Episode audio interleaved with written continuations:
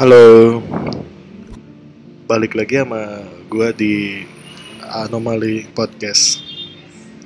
Kali ini gue bakal bercerita tentang, lo tau gak sih legenda tentang anjing menggonggong. Nah, kalau lo mendengar suara anjing lolong di malam hari, pasti bikin bulu kuduk lo merinding kan. Dan kalau malam-malam lo dengar suara gonggongan anjing, artinya ada sesuatu yang berkunjung dalam tanda kutip ya. Tapi yang lebih horornya lagi, katanya nih ya, kalau lo punya anjing dan anjing lo ngelolong itu, tandanya sesuatu yang berkunjung itu memilih menetap di rumah lo. Entah gue juga nggak tahu kenapa mitos yang dipercaya sejak zaman nenek moyang ini identik dengan kemunculan makhluk halus dan sejenisnya. Kita juga nggak pernah secara pasti tahu kebenaran mitos ini. Tapi kalau lu skeptis akan hal ini, ternyata udah ada opini dari dokter hewan yang mengatakan bahwa pada malam hari lolongan panjang anjing merupakan bentuk pertukaran informasi antara sesama anjing. Jadi mereka tuh cuman kayak ngobrol gitu sama anjing.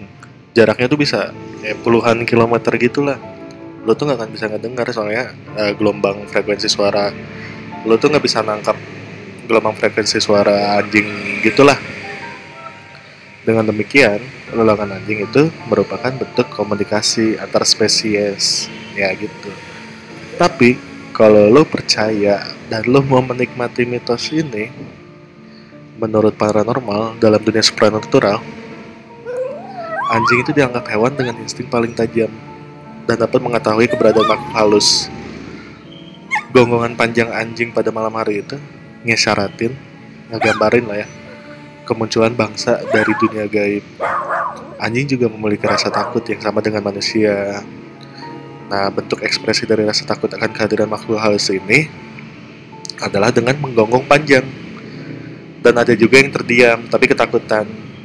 Jika kita mendengar anjing peliharaan di rumah mengelolong, menggonggong di tengah malam, coba perhatikan arah pandangan anjing tersebut. Bisa jadi lo bisa ngeliat apa yang anjing itu juga lihat gue pernah dengar suara anjing ngegonggong di malam hari.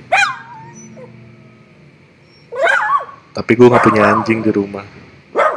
Dan lo tau di komplek gue nggak ada yang punya anjing satupun